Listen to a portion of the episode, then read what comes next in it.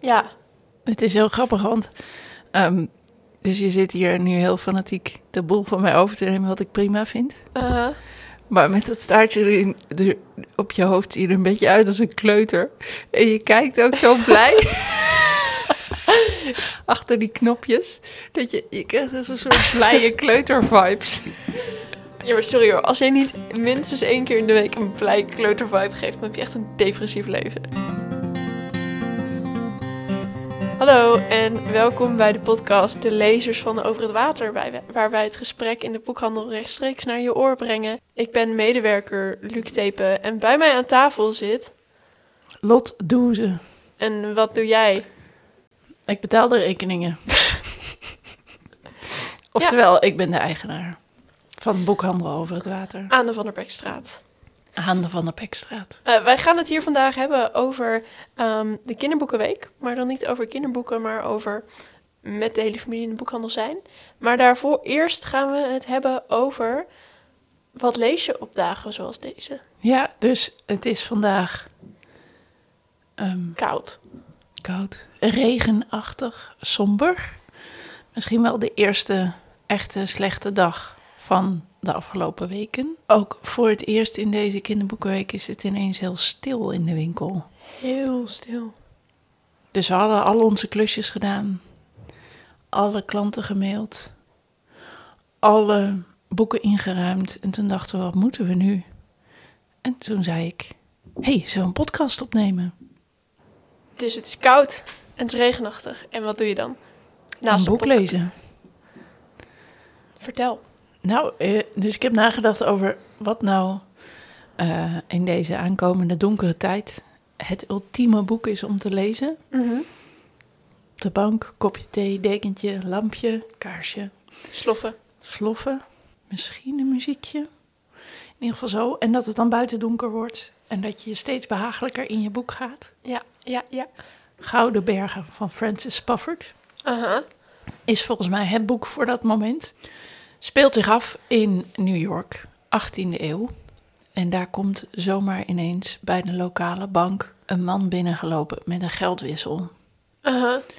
En die geldwissel is zo groot dat hij ongeveer al het cashgeld dat op dat moment in New York circuleert, waar op dat moment ook nog allerlei verschillende valuta's rondgingen, eh, want New York was nog niet zo groot en eh, er was nog geen centrale bank. Dus die geldwissel is eigenlijk voor al het cashgeld dat er op dat moment in omloop is. Dus die bankbedienden denken, "Huh, wat moeten we nu doen? Ja.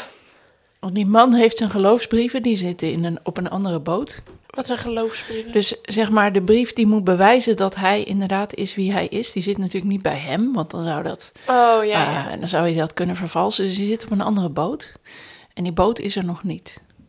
Dus hij kan dat geld niet krijgen en zij moeten hem ja, dan maar een beetje opvangen Ja. in de dagen Mhm. rond Sinterklaas en Kerst. 18e eeuws New York. Er wordt nog Nederlands gesproken. Oh. Eh, en de Sinterklaas-traditie van wat ik de echte traditie vind, namelijk het schrijven van gedichten, Ja. die is daar nog. En deze man maakt zichzelf het leven vrij onmogelijk in die dagen dat hij daar is. Want het is een soort van comedy of errors. Uh-huh. In een natuurlijk besneeuwd New York. Ja. Ehm, dus het is een prachtig verhaal. Het is het eerste, de eerste, eerste fictieboek dat Francis Spafford heeft geschreven. Hij schreef altijd historische boeken, want hij is historicus. Wat hij heel fantastisch doet, vind ik, is dat verleden tot leven brengen. Ja. En het heel natuurlijk aan laten voelen. Zonder dat je het gevoel hebt, er wordt hier met een blik van nu naar vroeger gekeken. Terwijl je tegelijkertijd, want hij legt bijvoorbeeld over die verschillende valuta's, dat legt hij zo uit. Dat je als 21ste eeuwse lezer toch er iets van leert. Oh, eh, een, een, zeg maar, hij legt je dingen uit, maar het is Ja. niet zo het gevoel dat je, dat je iets anachronistisch aan het lezen bent. Gaandeweg kom je erachter dat er eigenlijk, of eigenlijk als het boek uit is, kom je erachter dat ehm, er allemaal hedendaagse kwesties aan de orde komen en besproken worden. En dan eh, heb ik het gevoel toen ik het boek uit had, alsof Francis Spafford mij een hele dikke knipoog gaf en zei: Haha, goed, lekker hè, zo over de 18e eeuw lezen met een 21ste eeuwse blik. Oh, wat Ehm, leuk, wat leuk. Echt heel leuk. En het is dus heel sfeervol. En er wordt alsmaar in cafés koffie gedronken. En, en, eh, en er worden naar feestjes gegaan. En, nou ja, dus het heeft, het heeft een hele lekkere sfeer. Echt een topboek. Nu wil ik het lezen. En in het Engels heet het Golden Hill. Ehm, echt een aanrader. Cool. Ja, het is namelijk kinderboekenweek op het moment van opnemen. Ehm, en voor veel mensen is het dan natuurlijk de traditie om met je hele gezin naar de kinderboeken of naar de, naar de boekhandel te komen en boeken uit te zoeken. En dan met z'n allen in de boekhandel te zijn. Maar voor ons is dat een heel erg normaal feit. Want wij zijn meerdere keren in de week met z'n tweeën. En Ja, ja, dus het is voor ons... Sommige mensen denken dat dit onze huiskamer is. Zoals eh, Chris vorige keer. Eh, het heeft ook een huiskamer-vibe natuurlijk over het water. En jij bent hier eigenlijk gewoon opgegroeid. ja. Want de winkel bestaat nu tien jaar, dus je was acht. Wat brengt dat nou ons? Wat is voor jou nou heel kenmerkend? ja, wat heeft het mij gebracht, was de vraag. Ja. Nou, een baan. En wat nog Ehm, meer? Nou, ik denk dat wij heel erg een gedeelde boekenliefde hebben gekregen hier. Omdat we zo vaak het is met elkaar voor boeken hebben. Dat doen we sowieso thuis ook. Maar ik heb gevoel dat het wel echt gegroeid is sinds ik hier meer dan een paar uur in de week help. Ja, denk ik ook. En sowieso in een boekhandel werken merk ik dat voor mij heel veel deuren openen naar genres die ik anders niet had opgepakt. Ehm, omdat je heel veel met klanten praat natuurlijk en nieuwe dingen gewoon op tafel ziet liggen omdat je de boekhandel van binnen en buiten kent. Dus ik heb, ook, ik heb ook een tijdje in een andere boekhandel gewerkt en daar merkte ik dat ook. En ik lees ook veel meer Nederlands sinds ik actief in de boekhandel werk. Daarvoor las ik vooral Engels. Maar ook omdat wij zoveel met elkaar erover hebben en met elkaar met boeken bezig zijn. En ook bespreken, weet je, wat moeten we inkopen en et cetera, denk ik. Dat wat dat betreft de boekhandel heel erg waardevol is, toch? En dat het dat ons brengt. Ja, dat denk ik ook. Dat denk ik ook. Wat ik heel leuk vind aan samen met jou werken, is dat we een soortzelfde attitude naar klanten hebben. Ehm, Ik heb natuurlijk van jou geleerd. Ja, maar ja, dat Ja. heb ik natuurlijk niet helemaal doorgehad, zeg maar. Maar dat jij wel heel andere dingen leest. Ja, Eh, ik bedoel, we lezen ook wel hetzelfde, maar we lezen heel vaak niet hetzelfde. ja, klopt. En dat maakt het heel leuk, want het, ik snap heel goed wat jij dus leest in boeken, of wat jij, wat jij belangrijk vindt en wat jou aanspreekt en waarom. En daardoor kan ik dat ook heel goed aanraden aan andere klanten. Ik heb dat met Ebi ook wel, onze andere collega. Maar die spreek ik iets minder vaak, die ken ik iets minder goed. Ja. Eh, en die heeft toch een andere manier van lezen dan ik. En, en wij, ja, wat, wij, heb- wij hebben heel vergelijkbare Manieren van uitdrukken misschien ook, toch? En kunnen uitdrukken hoe je, wat we van een boek vinden. Dat denk ik ook. Maar ik denk ook dezelfde manier van lezen of zo. Ik- Dus eh, jij leest net als ik heel snel, maar niet oppervlakkig. En je, Ja. bent, je pakt eigenlijk tijdens het lezen meteen meerdere lagen op. Zowel de literaire, zeg maar de taal, als het verhaal. Eh, Ja. Ja, dat. Eh, neem jij op? Ja hoor. Maar we hebben toch in de loop van de jaren ook een soort gezamenlijke kanon opgebouwd, hè? Ja, klopt. Met boeken waar we elkaar in vinden. Ja, Ja, is dat begonnen met, bij Leo Timmers, denk je? dat denk ik wel. Leo Timmers, onze favoriete, een van onze favoriete kinderboeken-illustratoren, Prentenboekenmakers. prentenboekenmakers. Misschien wel degene die het meest unaniem geliefd wordt bij ons thuis. Ik weet nog dat we de eerste iPad kochten. En dat ik als achtergrondje alle Leo Timmers boeken had eh, bij elkaar gelegd om Ja. er een foto van te maken. Ja, klopt. Heel veel verschillende boeken heeft hij gemaakt. Allemaal dezelfde scherpe humor. En Ja. mooie, mooie plaatjes. Hij maakt heel veel. Als je denkt aan Een Huis voor Harry, Oh ja. dat is van mij geen favoriet, want die vind ik een beetje te gewoon. Ik, mijn favoriet is Garage Gust. Jouw favoriet is Garage Gust. Ik denk dat die van mij nog steeds boom is. Oh ja. De mooiste manier om een kettingreactie uit te leggen, of een kettingbotsing. Ik hou heel erg van boeken die niet zoveel woorden nodig hebben om het uit te leggen. En Ja. in boom zijn er maar twee woorden, namelijk heel vaak boom in één keer. Ja.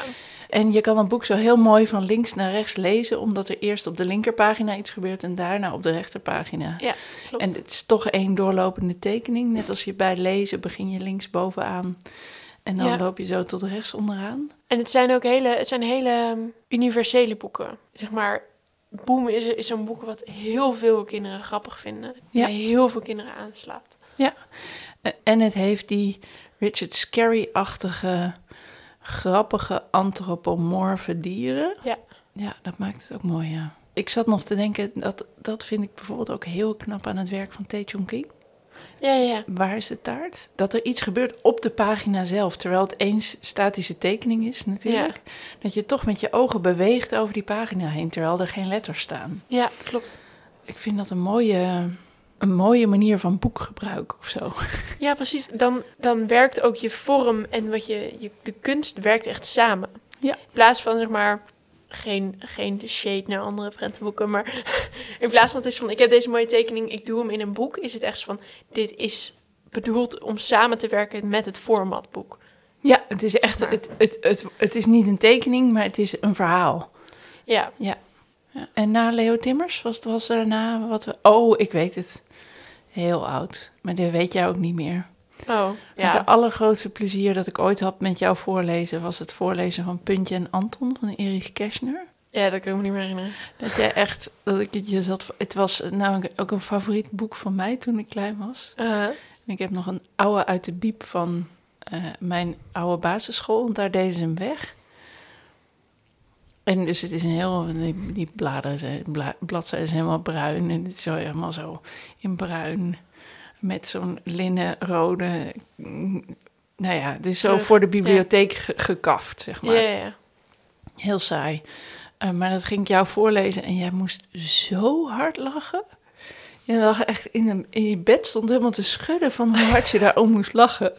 Terwijl ik zelf ook daar echt heel hard om moet, heb moeten lachen. Het gaat over een heel rijk meisje dat wordt ingezet door haar kinderjuf om te bedelen s'nachts op straat. En dan komt ze een jongen tegen die, waar ze achter komt, die dus uit een heel ander milieu komt. En die eh, een zieke moeder heeft en ze voor die moeder zorgt. En daarom dan Oh, ook ja. s'nachts bedelt of iets verkoopt op straat, veters Of zo. dansjes of zo. Zoiets. En zij heeft zo'n, ze doet alsof die kinderjuf haar moeder is en blind is. En dan doet ze de hele tijd eh, doet ze zo'n soort routinetje van... Alsjeblieft, geef mij geld. Of lucifers verkoopt ze. Alsjeblieft, koop lucifers, want mijn moeder is blind. En dat staat ze dan te oefenen in haar kamer. En dan komt haar vader, die is directeur van een of ander groot bedrijf... die komt daar dan achter. Die jongen die... eh,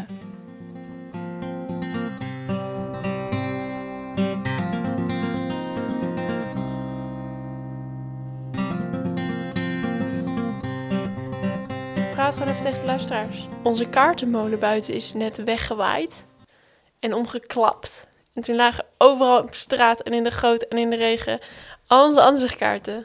Maar nu is een groot deel weer in de molen. zo. Zo. Puntje en Anton hadden we net besproken. Eh, maar dat was eigenlijk denk ik voordat ik een winkel had, trouwens. Maar Ja. maakt niet uit. Ehm, Nou, en toen daarna? Is het daarna onze boekenbonding begonnen toen jij Taylor Jenkins Reid ging lezen? denk ik wel, ja. Daisy Jones and the Six. Ja, Toen ineens hadden we elkaar weer gevonden. ja en dat was Ja. best veel later, want ik ging dat lezen toen ik denk ik 16 was, 17. Ik weet nog wanneer ik dat las, namelijk toen we met een hittegolf in Berlijn waren. Ja, Ik tegen jou zei, ik wil eigenlijk liever mijn boek lezen dan de stad in. Dat zei ik, ik ook. Ja, ik, wat was jij toen aan het lezen eigenlijk? Ik had toen in een tweedehands winkel in Berlijn, daar heb ik mijn allereerste Engelstalige boeken gekocht. En daar heb ik het eerste deel van de Percy Jackson serie gekocht. Die was Oh toen ja. aan het lezen. En toen had ik die uit. En toen ging ik het eerste deel van Twilight lezen. Oh ja, Dus, dus de, de kwaliteit van de literatuur, daar moest nog even aan gewerkt worden. Precies, ja. En toen hebben we elkaar gevonden in Taylor Jenkins Reid, omdat we ook allebei The Seven Husbands of Evelyn Hugo heel goed vonden. Eh, nee, je hebt de verkeerde volgorde. Ja? Ja. Jij las daar Jenkins of jij las daar The Jones and Six. Was me over vertellen. Ik dacht, oh, klinkt leuk, prima. Maar ik had nog helemaal niet de gedachte dat ik ook volwassenen boeken kon lezen of. Het lag nog uit elkaar. En toen, een paar maanden later, toen kwam hier in de winkel The Seven Husbands of Evelyn Hugo binnen. Toen zei hij tegen mij, oh, deze wil ik lezen, want van dezelfde auteur als Daisy Jones. Toen zei ik, oh, oh, wat grappig, want deze zie ik overal mijn vrienden lezen en op, op eh, Instagram en zo. En toen begon het, toen zei je, lees dan Daisy Jones and Six. Ah, zo is het gegaan. Ja. Ja, en toen ging ik Daisy, Jones and Six lezen en vond ik het ook fantastisch. Ik heb laatst eh, een tijdje geleden een een eh, artikel in het NRC gelezen over Taylor Jenkins Reid. Ehm, dat het komt ook een beetje door hoe het wordt uitgegeven, zeker in Nederland, maar ook wel in het buitenland. Dat het de indruk maakt dat het een heel soort vrouwenliteratuur, ik doe eh, van die aanhalingstekens in de lucht, vrouwenliteratuur is. Ja, klopt. Ehm, eh, omdat het ook zo ongelooflijk lekker leest. En dat je eigenlijk helemaal niet zou verwachten van hoe het eruit ziet en hoe het in de markt gezet wordt. Dat het echt meer om het lijf heeft dan gewoon een beetje eh chicklit plus, zeg maar. ja, klopt. Ja, zeker.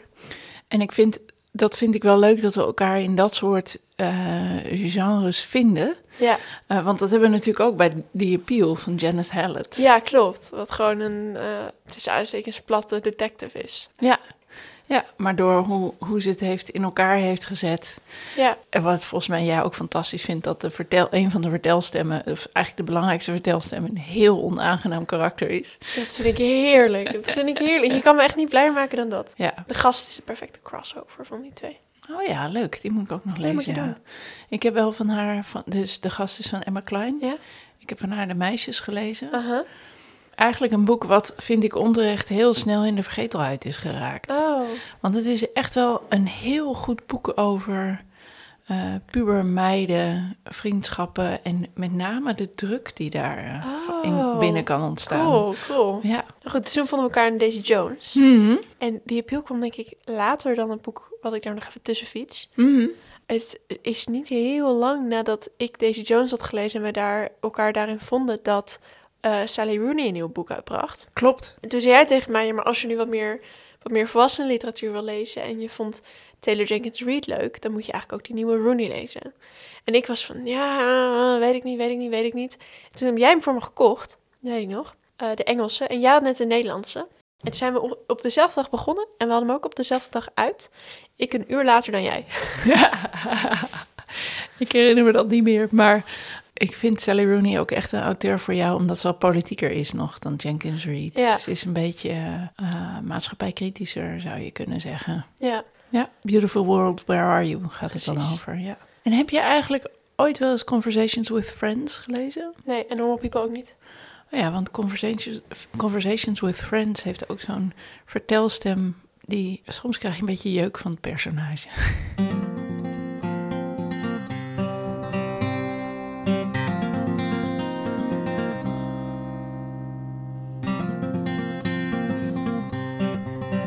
De winkel bestaat dit jaar tien jaar. En dus waren wij aan het musen over, aan het mijmeren over... Goh, wat is dat nou? Tien jaar in de boekhandel, tien jaar samen lezen. Ehm, samenwerken, dat is nog niet tien jaar. En toen waren we begonnen vorige keer met het allervroegste begin We waren begonnen met Leo Timmers. als onze favoriete illustrator. Zijn er nog meer boeken die ons samen hier in deze winkel, dat je kunt, ons kunt aftekenen? Nou ja, we hebben natuurlijk nu de nieuwe bundel van Kees Toorn.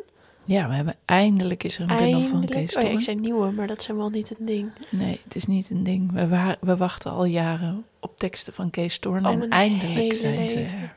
En die hebben we ook op onze Instagram eh, samen zitten f- uit ons hoofd voordragen. En Kees Toorn vind ik de beste Nederlandse cabaretier.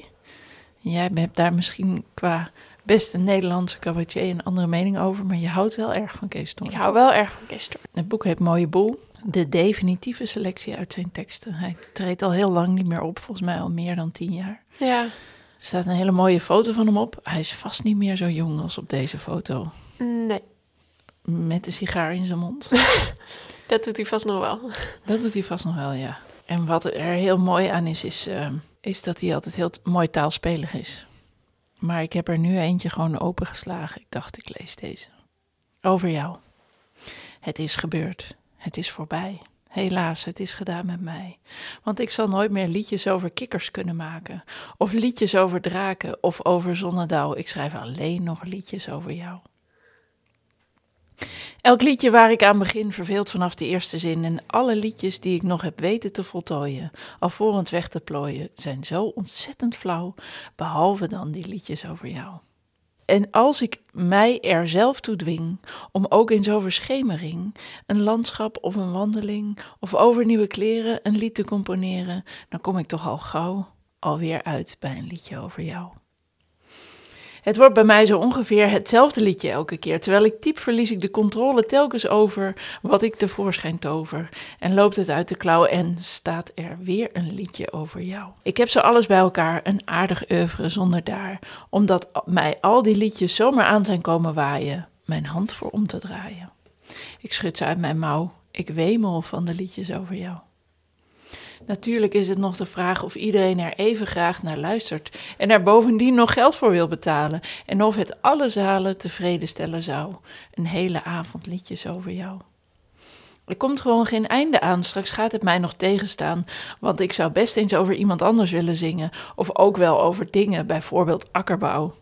En niet alleen maar liedjes over jou. Ik weet wel dat hoe meer ik schrijf, hoe meer ik jou tot wanhoop drijf. Ooit ren je gillend weg, maar ik kan mijn verdriet verzachten met troostrijke gedachten. Zoals dat ik aan jou in elk geval wat liedjes overhoud. Goed hè? Ik vind het zo... Zo leuk. Zo, het is, het is, fantastisch. grappig. Het is toch ergens ook, gaat, zit het hele leven erin. Dat je, als je verliefd bent, even nergens anders meer aan kunt denken. En dat dat ook weer overgaat. Of niet. Of Ja. wel. En dat je dan dus die rijmdwang hebt op jou. Waardoor je dan bij het woord akkerbouw uitkomt. Fantastisch. Fantastisch. Dat is mooi, ja. Kees Toorn.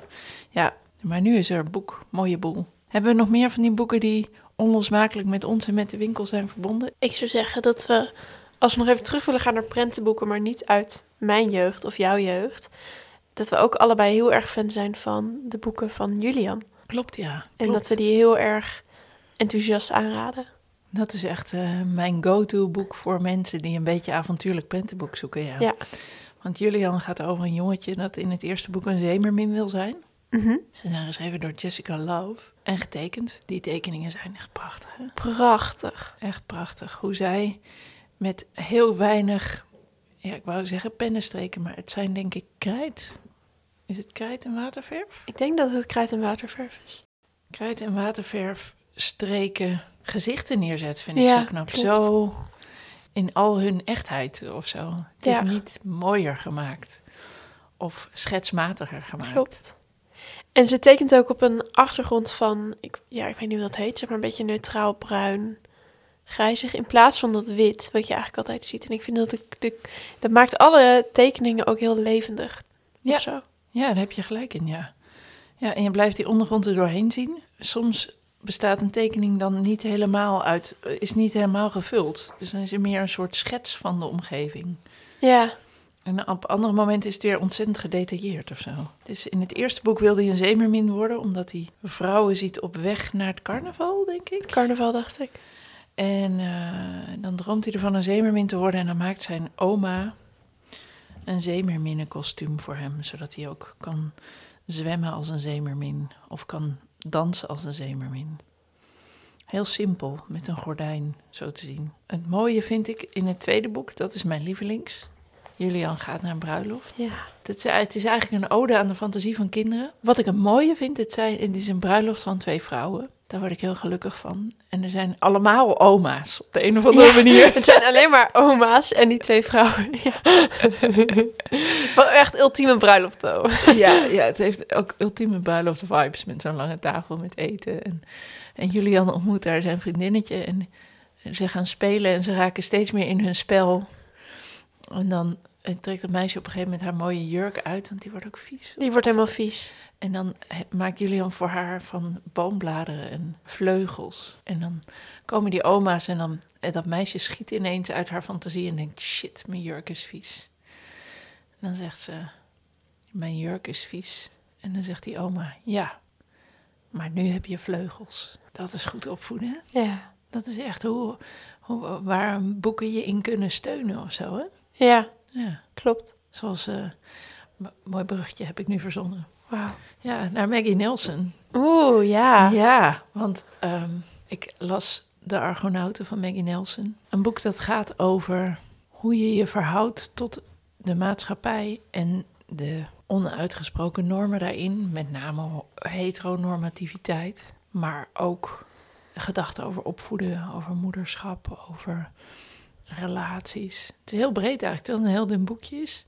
En het, is, het klinkt nu alsof ze allemaal hele alsof er een hele duidelijke lijn in zit, maar dat is het helemaal niet. Het is veel meer dat ze haar gedachten zich laat meenemen. Alles wat ze, het is heel goed geconstrueerd, maar alles wat ze leest, alles wat ze denkt, meeneemt, je daarin meeneemt zonder dat ze zichzelf dwingt tot te zeggen: Dit is mijn programma, hier ga ik iets over zeggen. Ja. En dat is heel prachtig. En een van de dingen die ze heel mooi doet, vind ik, is schrijven over haar relatie met een transman. Wat in dit geval van belang is om te benoemen, omdat ze ook juist daarmee bezig is van hoe werkt dat als je met iemand die openlijk trans is een relatie hebt. Hoe werkt dat met je eigen beeld van de wereld en hoe de maatschappij op je reageert. En dat ze op een gegeven moment, dat vind ik een van de mooiste passages uit het boek, dat ze een foto, dat er een foto is als zij zwanger is en haar trans man staat naast haar en en, haar, en ze maakt, dus er wordt een foto van gemaakt. En die moeder, haar moeder, de moeder van de Maggie Nelson, laat die foto afdrukken op een mok. En dat is op een gegeven moment, misschien zit ik dit nu mooier te maken dan het is, maar ze op een gegeven moment het kastdeurtje open van het keukenkastje. En dan ziet ze daar die mok. En dan denkt ze, dit is het meest heteronormatieve plaatje dat je kunt, maken, kunt hebben. Zo op een mok, een man en een zwangere vrouw die bij elkaar horen. En dan probeert ze zich daartoe te verhouden. Of dan vraagt ze zich eigenlijk af, moet ik me hiertoe verhouden? Ja. Dit heeft mij heel veel gebracht in het leven. Maar een van de dingen is dat heel veel dingen die jij je afvraagt... Eh, door Maggie Nelson voorbereid ben op die vragen en op die overwegingen... en op de, het openstaan daarvoor. Ja. Dat vind ik heel mooi. Ja. Misschien dat dit soort boeken ook er wel voor zorgt dat wij... Ik vind het heel fijn dat deze boeken er zijn, omdat ze mij de ruimte geven om ook mijn eigen mening of mijn eigen mooie boeken te kunnen aanraden in deze winkel. Omdat er gelukkig steeds meer van dit soort boeken worden uitgegeven. En dat ook is wat ik heel graag lees. En dus lees ik met plezier en dus kan ik ook met plezier aanraden aan mensen. Ja, klopt. Ik sprak vanmorgen iemand die was Poel aan het lezen van Claire Louise Bennett. En die zei tegen mij, oh, het is zo fijn. Ik, werd zo blij van het tweede verhaal. En toen dacht ik, ja, dit is toch het is heerlijk dat, er, dat ik nu lezers ontmoet die ook van de Bennets en de Nelsons van deze wereld Ja. houden. Nou ja, dan maak ik hier een bruggetje. Dat ik heb ook, ik heb heel veel lezende vrienden, maar niet heel veel vrienden die ook echt lezen wat ik lees. Bijvoorbeeld lezen ze alleen maar Engels of lezen ze net meer gewoon de young adult. Maar toen is een goede eh, vriendin van mij is weer opnieuw aan het lezen geraakt. Was er nooit echt helemaal van. En toen ineens had ze van een vriend Manifesto van Bernardine Evaristo gekregen. Die had ze in twee dagen uitgelezen en nu is ze helemaal van het lezen. En leest ze ook eigenlijk dezelfde dingen als ik. Of jij leest dezelfde dingen als zij. Ja, allebei denk ik. Want we nemen echt elkaars r- aanraders nemen we heel serieus. Dus ik ben nu ook helemaal van de Bernardine Evaristo. Via haar. Ik heb er nu al vier gelezen in een maand ongeveer. Ik ben, ik ben helemaal fan. En dat brengt dan ook weer terug naar de boekhandel. Want ik heb hier nu ook al vier, vijf keer Mr. Loverman verkocht van Bernardine Evaristo. Wat een boek is uit 2013. En wat ook niet in Nederlandse vertaling is. toch? Nee, dus het is helemaal niet een boek wat je per se nog zou verwachten om nu heel veel te verkopen, denk ik, in een boekhandel in Amsterdam. Maar dat doet het wel. En het slaat aan. En ik hoor, ik hoor weer positieve dingen terug. En dat, dat is toch fantastisch. En nu ben jij ook iets van haar aan het lezen. En Ja, nu lees ik Manifesto. Ja, ja, Ja. ook het exemplaar van die vriendin die zij weer van die vriend heeft gekregen. Ja, E- En Evaristo neemt een hele andere manier van dingen vertellen. Maar tegelijkertijd gaat het ook weer over hoe je omgaat met de maatschappij. En dat laat zij, doen, laat zij zien door eigenlijk haar wordingsgeschiedenis te schetsen. Ik heb het idee dat vrouwen vaak niet één verhaal vertellen. Dit is waarom ik zo ben geworden. Maar veel meer zeggen deze invloed en deze invloed. Ik weet nog dat we met Lisa de Boer ja, ja, Spra- in, nee. Lisa Boersen spraken over, eh, over Garcia Marquez en de Honeymoon Quiz. Gabriel Garcia Marquez en de Honeymoon Quiz. En dat zij ook eigenlijk haar verhaal over eh, wat ze meekreeg van haar moeder in thema's vertelde of zo. Ja. Dit heeft zo, me zo beïnvloed, dat heeft me zo beïnvloed. Ja, of, of vertelde hoe, hoe en wie zij is als lezer aan de hand van allerlei boeken. Dat, dat was ook een beetje het thema natuurlijk. Maar zeg maar inderdaad, het is niet één verhaal. Het is niet één situatie. Ja, En dat doen eh Evaristo ook in haar manifest, ja. Ja, ik ben nu een ander boek van haar aan het lezen, haar debuut. Wat eigenlijk onmogelijk te krijgen is. Dus misschien is het een beetje nutteloos om hier aan te gaan. Ehm, ik heb namelijk... Lara heet het, hè? Ja, ik kon het namelijk niet na- via onze leverancier bestellen. En toen ben ik naar de American Book Center gegaan. En volgens mij hebben zij het dan weer via een bevriende boekhandel in Dublin of zo moeten regelen. Het was echt om, om, om.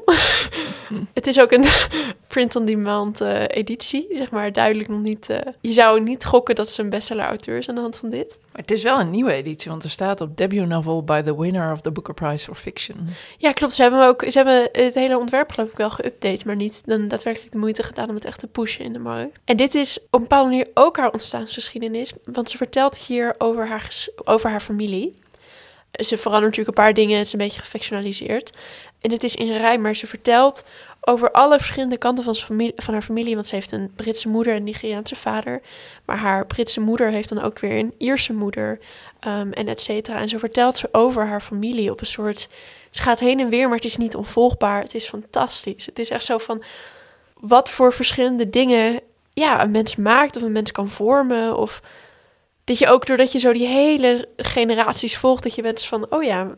Of, dan voel ik heel veel pijn, want dan heeft ze op een gegeven moment over haar overgrootmoeder... die Ierland weigert te verlaten. En dan haar kleindochter die super helemaal het Engelsheid om zeg maar aanneemt en Ierland haat en et cetera, et cetera. En dan, dan voel je zo'n soort van die pijn, terwijl ik ken die mensen helemaal niet en ik heb zelf niks met Ierland of Engeland. Maar Mooi, mooi. En ook wel mooi dat ze het in verse heeft gedaan. ja, inderdaad. Dus in, ja, in verso op ruim. Ik heb ook nog, ik vond er ook één. Het is eigenlijk alleen maar een, een paar zinnen, maar die vond ik zo mooi. Even zoeken. I'm the scullery maid, the skivvy, the flunky in Mr. Mallory's empire, the kitchen. Up before dawn to scrape ash from the range, black lead it, light it, then keep it going all day. Then it's breakfast for Lord Harrington, his wife, and their two flawless beauties, my age, so I'm told. Kidneys, kedgeree, tongue, ham, cold game pie, woodcock, bacon, b- boiled, fried or poached eggs, mushrooms straight from the dark house, toast, most of which they waste anyway. More for me. Which I, when I arrived years ago, the sight of all that food made me quite sick. Gout and good riddance to them. For dinner, it's soup, fish dish, three meat dishes, a savory and a dessert served à la Russe. From the sideboard by footmen who are obsequies to their superiors and condescending to the likes of me. I believe in words. I read them, remember them, load them into my mouth, and fire. Oh, die laatste zin is echt heel Die laatste zin is zo goed. Ja, mooi. Ik doe er ook al echt al. Ik ben op pagina 80 en ik ben denk ik al anderhalve week aan het lezen, maar het is gewoon zo'n soort. Het is, op een bepaalde manier is het ook genoeg of zo. Zeg maar het is zo'n boek wat je echt wil proeven. Het is zo grappig dat je dat zegt, want ik heb dit precies hier, oh, ik was dus Poel aan het herlezen. En eh, ik heb dit precies over Poel opgeschreven dat ik, de, de vorige keer dat ik het las, heb ik het gewoon gegeten zonder te proeven. Ja. Want ik vond het de vorige keer fantastisch. En nu denk ik, maar hè, ik kan me helemaal niet dit herinneren en ik kan me niet dat herinneren. En ehm, het heeft natuurlijk denk ik ook te maken met dat de pool niet echt een, een lijn heeft waar je je herinnering aan op kan hangen. Maar, maar het is, en, en ik lees het nu in het Nederlands, stel de eerste keer las ik het in het Engels. Aha. Maar desalniettemin, ik denk, ik voel het gewoon alsof ik het voor het eerst lees. Bijvoorbeeld, ehm, dit stukje vind ik heel grappig. Ik zou naar de compostbak moeten. Kennelijk heb ik dat uitgesteld. Ik denk eigenlijk dat ik er geen belangstelling meer voor heb. Het is saai geworden. Iemand vertelde me laatst dat er wormen uit de hunne ontsnapten, wat ik best gewichtig vond klinken. Ik houd van wormen en ik heb er geen moeite mee ze op te pakken. Wat ongebruikelijk is en me dus in bepaalde situaties een duidelijk voordeel geeft. Want het betekent dat ik ze naar mensen kan gooien als ik daar zin in heb. En daar word ik altijd erg vrolijk van.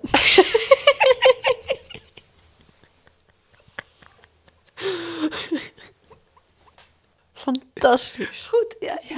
is zo... Het is zo belachelijk eenvoudig, maar tegelijkertijd devilishly clever in de constructie of zo. Want Ja. je ziet het de hele tijd niet aankomen. Ja, dat klopt. Nou, ik van, en dan is het niet eens voor een soort reden of zo. Het is van, ik kan ze mensen gooien. Daar word ik vrolijk van. En dan, beste luisteraar, moet je hier dus bij voorstellen dat het een heel... Het is een heel statig boek met een donker schilderij als ehm kaft vormgeving met waterlelies. Op een, eh, zeg maar, nou ja, pool. Op een vijver. Het is van Isaac Leviton, Water Lilies. En dat is het schilderij op de voorkant. Het ziet er, het je zou, als je, als je het ziet liggen, dan denk je dat het een heel statig, zwaar literair boek is. Maar Boek mensen, over dit de dus- ja, Het gaat eigenlijk over regenworm gooien. Ja, dit is dus over een vrouw die er vrolijk van wordt om regenwormen te gooien. Ik bedoel, ik ook, denk ik. Ik gooi nooit met regenwormen. Dat vind ik zielig. Fiets jij ook altijd om regenworm heen als ze over het fietspad Ja. heen proberen te komen? Ja, ik ook. Of als ik in de tuin werk en ik vind een regenworm, dan hou ik me soms zo, zo even vijf minuten in mijn hand en dan geef ik hem een naam. En dan zoek ik het allerbeste plekje uit om hem weer terug te zetten. Oh ja, ja, ik denk ook altijd, soms doe ik dat wel eens als ik op de stoep loop en er zo'n regenworm zo heel lang gerekt probeert het volgende, Ja, ja. dan gooi ik hem in het grasveld, anders vind ik het zielig. Ja, ik ook. Ja.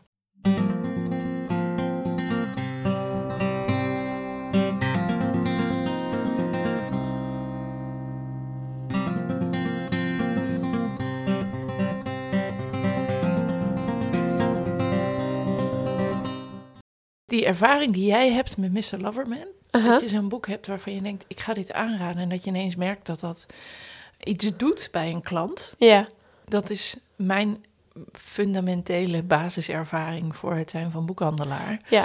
Want dat had ik met eh Kalme Chaos van Sandro Veronesi toen ik nog in een heel andere boekhandel werkte, in een andere stad, in een ander leven. een andere provincie. Dat ik eh, dat boek had gelezen en ik vond het zo mooi. Ik had dat boek gelezen, ik had, het- we hadden- het was toen al een aantal jaar uit. En het, ik moest het altijd bij de pockets moest ik het altijd rechtleggen. En ik vond de voorkant heel mooi. Het is een schilderij van Teun Hoks. Wat voorkanten toch veel kunnen doen trouwens, voor je beleving. Eh, een schilderij van Teun Hoks. Toen kwam de film uit en toen dacht ik, nou ja, hm, weet je wat, ik ga het toch maar eens lezen. En ik was heel erg onder de indruk, dus ik heb er geloof ik drie weken over gedaan. En toen heb ik daarna drie weken niks gelezen, omdat ik dacht, hier kan niks aan voorbij. En dan had ik een buikbandje gemaakt. Het allereerste buikbandje dat ik ooit heb gemaakt, waar ik op Oh. stond. Ik heb hier drie weken over gedaan, terwijl ik toch een snelle lezer ben. En daarna kon ik drie weken niks lezen. Zo mooi. En toen verkochten we in de drie maanden erna 90 exemplaren, terwijl in de... Ja, ja. Dat is echt enorm veel. In de drie maanden ervoor we de 14 hadden verkocht. En, eh, en toen dacht ik, oh, zo werkt dit. Ja. Oh, dit vind ik leuk. En toen kwamen er daarna dus klanten naar me toe en die zeiden... Jij moet zeggen wat ik nu ga lezen, want jij snapt wat ik mooi vind. En toen dacht ik, oh, dit is dus het wezen van de boekhandel. Ja, klopt. En dat is natuurlijk wat je oh, bij alles, zeg maar, zowel bij grotere boekhandels als ook bij boekhandels waar mensen werken die eh, niet zo van lezen houden. Eh, maar zeker ook bij Pol hebt, dat je niet dit contact hebt. Ja. Dat is volgens mij de essentie van de boekhandel. En de magie van de boekhandel. Ja, ik denk ook, er ontstaat een soort, niet vriendschap, maar wel een soort vertrouwen of zo tussen jou als boekverkoper en een klant. Ja. Ik neem ook echt regelmatig die tips aan van klanten, want het is gewoon zo... We snappen elkaar en wij kunnen elkaar hierin vinden. En weet je, jij bent misschien wel dubbel mijn leeftijd en hebt een compleet ander leven, maar wij vinden allebei deze boeken mooi. Ja, mooi is dat, hè? Ja. Ik had eh, iemand, eh Claire Louise Bennett, aangeraden als een soort van... oké, dit is wel een beetje een wild guess, want ik, misschien is dit niet waar je nu naar op zoek bent. Eh, ze kwam dus de winkel in en ze zei, ik wou je even zeggen... dit is zo goed, dit is zo goed. Ik wil meer van haar stem horen. Dus die heeft vervolgens het andere... ik weet niet meer welke ze eerst had gelezen... maar de andere Claire Louise Bennett gekocht. En het is zo he- heerlijk om... Ik heb nu net, om toch iets anders te noemen... ik heb net eh, Handwerk gelezen van Sarah Bohm. Uh-huh. Eh, een, eh, in, ook in Ierland wonende schrijver. Die heeft een beetje dezelfde, dezelfde manier van vertellen. Dus heel erg op het... Er zit een groter verhaal in, maar het is allemaal opgebouwd uit fragmenten. En die fragmenten gaan heel erg over... ik ben nu dit aan het doen met mijn handen en mijn handen doen dat zo. Hier staat dit in mijn huis. Hier werkt het. Zo, zo, zo is de route door mijn huis elke dag. Ehm, en toch ontstaat er een groter verhaal over de relatie van de mens tot zijn ehm, scheppen. Ja, Eh, en dat verbindt ze aan haar vader en overgrootvader. Die, eh, nee, haar vader en grootvader. En hoe die dingen maakte. En dan in, zo langzamerhand kom je daarachter dat ze eigenlijk aan het rouwen is over haar vader, die net is overleden. Maar heel subtiel. Ja. Ja, mooi is dat. Ja, ik heb ook wel eens... ehm, ik heb net Moedermelk gelezen van Nora Isena. Ik vond het een prachtig boek. Echt ontzettend mooi. Ik, heb het, ik ben het alleen maar gelezen omdat het zich afspeelde in Letland.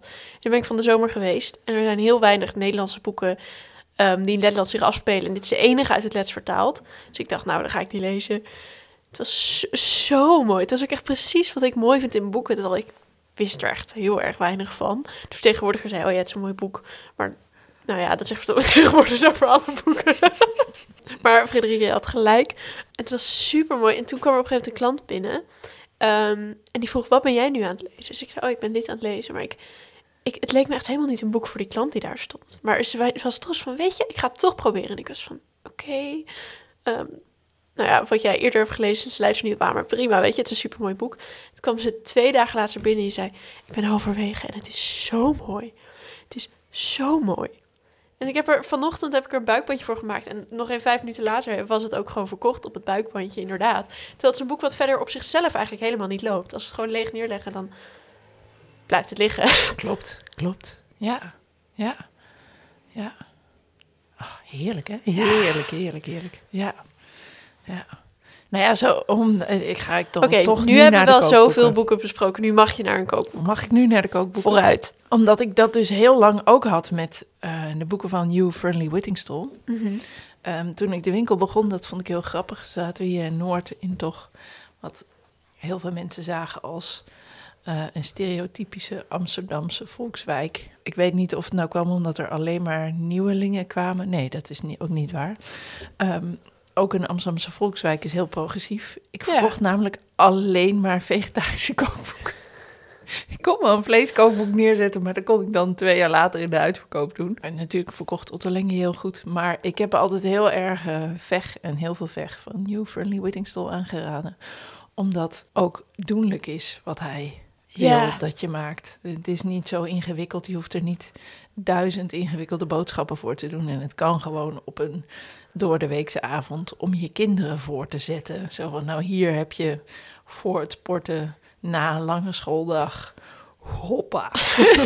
Schuif er maar in. Ik heb ook gewerkt vandaag, dus. En ehm, ik vind het zo grappig dat we eh, de, laatste jaren is het al wat minder geworden, maar eigenlijk heb ik ze gewoon, ik denk een jaar of zeven, gewoon heel goed verkocht. Om, van, vanwege onze eigen ervaring. Ik denk dat, ik, dat dit samen met de boeken van Angela Lawson de kookboeken zijn waar ik het meest uit heb gekookt. Eh, ik, ik denk dat ik uit veg heb ik denk ik drie kwart van de recepten wel eens gemaakt. Ja. En jullie vonden bijna alles lekker. Ik, ik blader er ook wel eens doorheen van, oh, zit hier nog iets wat ik niet ken? Ben zo, oh, dit ken ik, dit ken ik, dit ken ik. Oh, dit is lekker, dit is lekker, dit is lekker. Ik zou daar eigenlijk misschien wel een pleidooi voor willen voeren. Dat er, ik snap best dat er heel veel nieuwe boeken moeten uitkomen. Maar er zijn van die boeken waarvan je daar eigenlijk niet elke keer een nieuwe nodig hebt. Je hebt niet elke keer een nieuw vegetarisch kookboek nodig. Ja. Eh, omdat er gewoon een paar basiskookboeken zijn voor de vegetarische keuken of voor de Italiaanse keuken. Die je eigenlijk gewoon tien jaar lang kunt verkopen. Ja. Aan steeds aan mensen die het nog niet hebben. En ja, dan heb je, je hebt veg en je hebt een ottolenghi voor als je, voor als je avontuurlijker of ingewikkelder vegetarisch wil koken. En je, hebt eh Amazing Asia vegetarisch als je als je andere keukens wil. Ja, ja, en je hebt volgens mij ook, maar die heb ik nog nooit uitgeprobeerd, een paar een goed vegetarisch Italiaans kookboek. Ja. In elk genre, maar zeker in het kookboekengenre, dat ik soms wel eens denk, maar waarom zou je nu nog weer een nieuw, Ja, omdat je dan heel slim op de kaft zet. Vijf ingrediënten mediterraan. Als je naar veg kijkt, dan denk je, dat is dan ook nog vegetarisch, maar denk je, ja, dat zijn ook vaak niet, meer, niet zo heel veel meer dan vijf, in- vijf ingrediënten. En het is Ja. vaak mediterraan. Ja, maar ik heb het gevoel dat je dat in best wel veel genres hebt. Ik bedoel, dat zie je natuurlijk heel snel bijvoorbeeld bij dingen als BookTok. Daar gaan gewoon, zeg maar, boeken die zijn heel snel in en uit. Terwijl ik denk, hallo, we hoeven niet... Bijvoorbeeld als je het hebt over het young adult thriller genre. Ik bedoel, het is natuurlijk, er zijn, als je, als je een lezer bent van young adult thriller, dan kun je er heel veel lezen. Meer dan kookboeken, zeg maar. Je, hebt, je hoeft niet, Zeker. zeg maar, 30 kookboeken per jaar te kopen. en Misschien wel 30 young adult thrillerboeken. Zouden er echt mensen zijn die 30 young adult thrillers in een jaar lezen? Vast.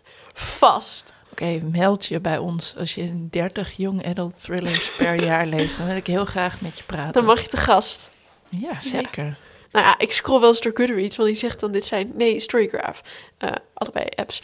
Eh, en die zegt dan deze lezers zijn soortgelijk. En sommige mensen lezen gewoon 200 boeken per jaar. Dan heb je toch echt geen baan of zo. Maar goed. Oké, maar ik wil 200 boeken per jaar kan me nog voorstellen. Maar 30, daarvan 30 young adult thrillers? Oké, maar mijn punt was... is we hoeven niet elke keer weer een... Ik bedoel, er moet natuurlijk verandering zijn. Maar soms is er gewoon een boek is al zo goed. Dan hoef je niet weer... Oh, dit is toevallig dit jaar nieuw. Dus nu moet dit... Weet je, The Good Girls Guide to Murder... die is redelijk nieuw, maar ook al best wel oud. Die is gewoon steengoed. Waarom zou je het nieuwste, recentste moeten lezen... als er gewoon hele goede boeken al zijn? En dat zeg ik als iemand die wel echt heel erg voor verandering is in de literatuurwereld... en voor nieuwe auteurs, maar... Het Maar je- hoeft niet. Het hoeft niet vier keer per jaar te veranderen. Ja. Ja. Ja, maar eh, ik bedoel, ik, ik hoor je nu een beetje bitchen op eh BookTalk. maar ehm, ik vind een van de leuke dingen van BookTalk... dat bijvoorbeeld daardoor de Secret History van Donna Tartt weer ineens klopt. Dat is ook helemaal waar. naar boven kwam. Ja, ja. En naar het schijnt, dat vond ik een beetje een vreemde trend. Maar De Vreemdeling van Camus. The Stranger van Camus. Ja, van. Camus. Ka- En, en Camus. Ja. kunnen we dat lezen in het Engels dan? Hoezo? ja. In deze editie? Ja... Ja, of eh leeftijdsgenoten hebt die ook specifiek dus Murakami in bepaalde edities in het Engels willen lezen. En dan wees van... Ja. Weet je, ja, dus het heeft altijd plussen en minnen. Maar vandaar dat wij nu ons nieuwe soort van project, nieuwe richting hebben in de podcast, is dat we per categorie een boek aanraden. Ja, klopt. En zeker ook met het idee om ook af en toe de oudere boeken weer een plek te geven. Van dit is gewoon in deze categorie een steengoede titel. Maar we hebben dus niks gekookt eh, uit veg. We kunnen dus ook niks proeven. Maar ik dacht, misschien eh, kunnen we wel even zeggen wat ons favoriete recept is uit veg of heel veel veg. Maar ik weet niet meer welke, welke we nou specifiek van hem zijn. We hebben gewoon heel veel lekkere dingen. Oh, nee, de pannenkoekenpudding. Die is van Nigella. Hem een keer gekookt uit Ultim, eh Ultiem Comfort Food. Ja, klopt, klopt. Het zijn allebei varianten op gewoon op Yorkshire pudding. Dat is gewoon een heel traditioneel Engels gerecht. En Nigella heeft daar dan een eigen take op die we regelmatig maken. En hij heeft er ook eentje, die is wat gezonder, want die is volgens mij met volkorenmeel. Weet ik niet, ik heb het een jaar geleden gemaakt. Maar die zit, die zit dan weer in een ander kookboek. Oké. Wat, wat ik het lekkerst vind, hij heeft een hele lekkere linzensoep met spinazie en tomaat. Die jullie allebei lekker vinden. Jullie, dat zijn eh, Luc en zijn broertje Arthur. Je hebt daar heel veel veg. Daar staat een recept in voor geroosterde bloemkool en broccoli, volgens mij, met een saus van gele splitterten. Dat vind ik echt een waanzinnig lekker recept. Dat is echt zo lekker. Dat staat vrij in het begin, ja. Maar ik weet niet of ik dat ooit voor jullie heb gemaakt, want dat is best uitgebreid koken. En En dat dat verdienen wij niet. dat, dat doe ik niet voor jullie, of in, uit angst dat jullie het dan vies vinden. En dan heb ik dat helemaal voor niks gedaan. Oh. Komt hier niet ook de morsestaart uit? Is het ook van Nigella? Er hoeft ook allemaal dingen die niet vegetarisch zijn. Dus heel veel veg is veganistisch. Eh, dus in deze staan hele lekkere... Dus nu heeft Luc veg gepakt. Daar staan hele lekkere maiskoekjes in. Oh, die zijn heel lekker. Ja, die zijn heel zijn lekker. heel lekker. Deze, noedels uit een potje.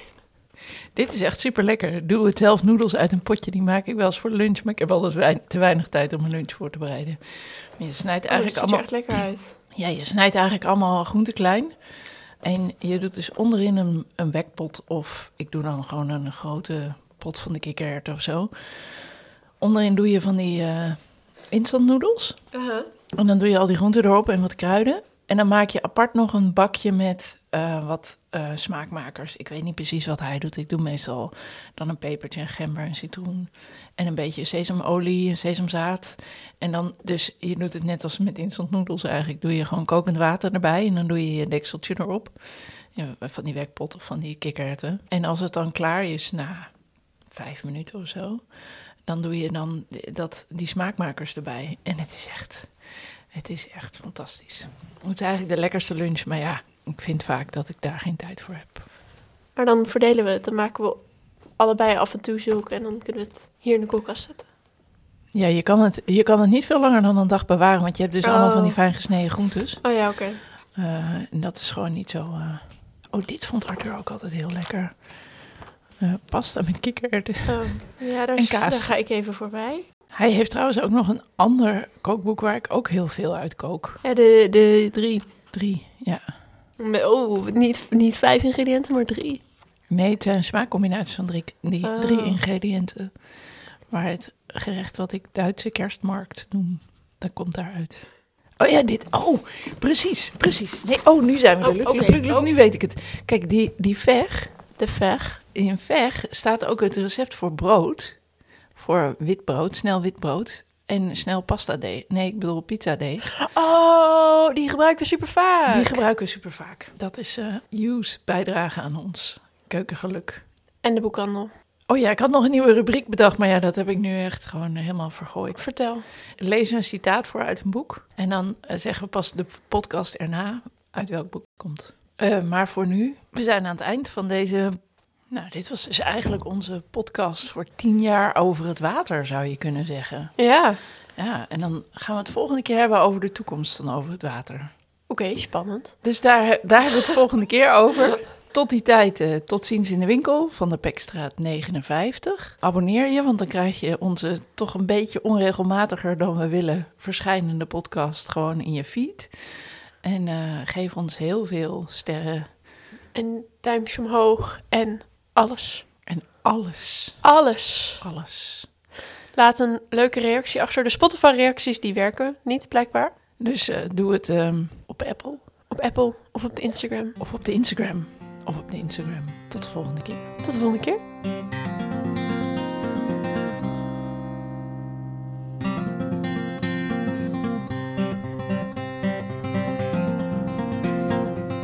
Is, eh, er zijn hier gewoon alleen maar stukjes voor de rommelfile.